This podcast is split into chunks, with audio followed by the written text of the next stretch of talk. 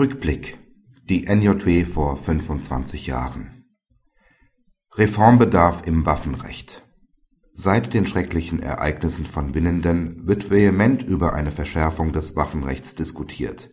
Vergleiche zur kleinen Amnestie im Waffenrecht den Gesetzentwurf der FDP-Fraktion auf Seite VI.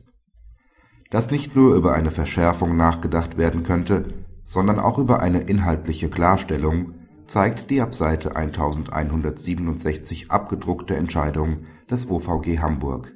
§ 5 Absatz 1 Nr. 1b Waffengesetz verneint die persönliche Zuverlässigkeit für die Erteilung der Waffenerlaubnis bei einer rechtskräftigen Verurteilung wegen vorsätzlicher Straftaten zu einer Freiheitsstrafe von mindestens einem Jahr Davon werden in Deutschland abgeurteilte Straftaten umfasst. Etwa die Tat eines Mannes, der aus weniger als zehn Zentimetern auf den Leib eines Gastes eine Platzpatrone abgeschossen hatte, wodurch dieser lebensgefährliche Verletzungen erlitt. Nachzulesen in der NJW von vor 25 Jahren. NJW 1984, Seite 1194.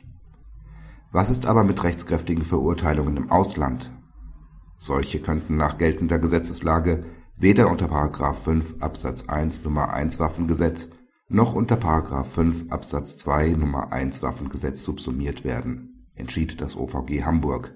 Ist eine solche Differenzierung nach Verurteilungen im In und Ausland tatsächlich gewollt und richtig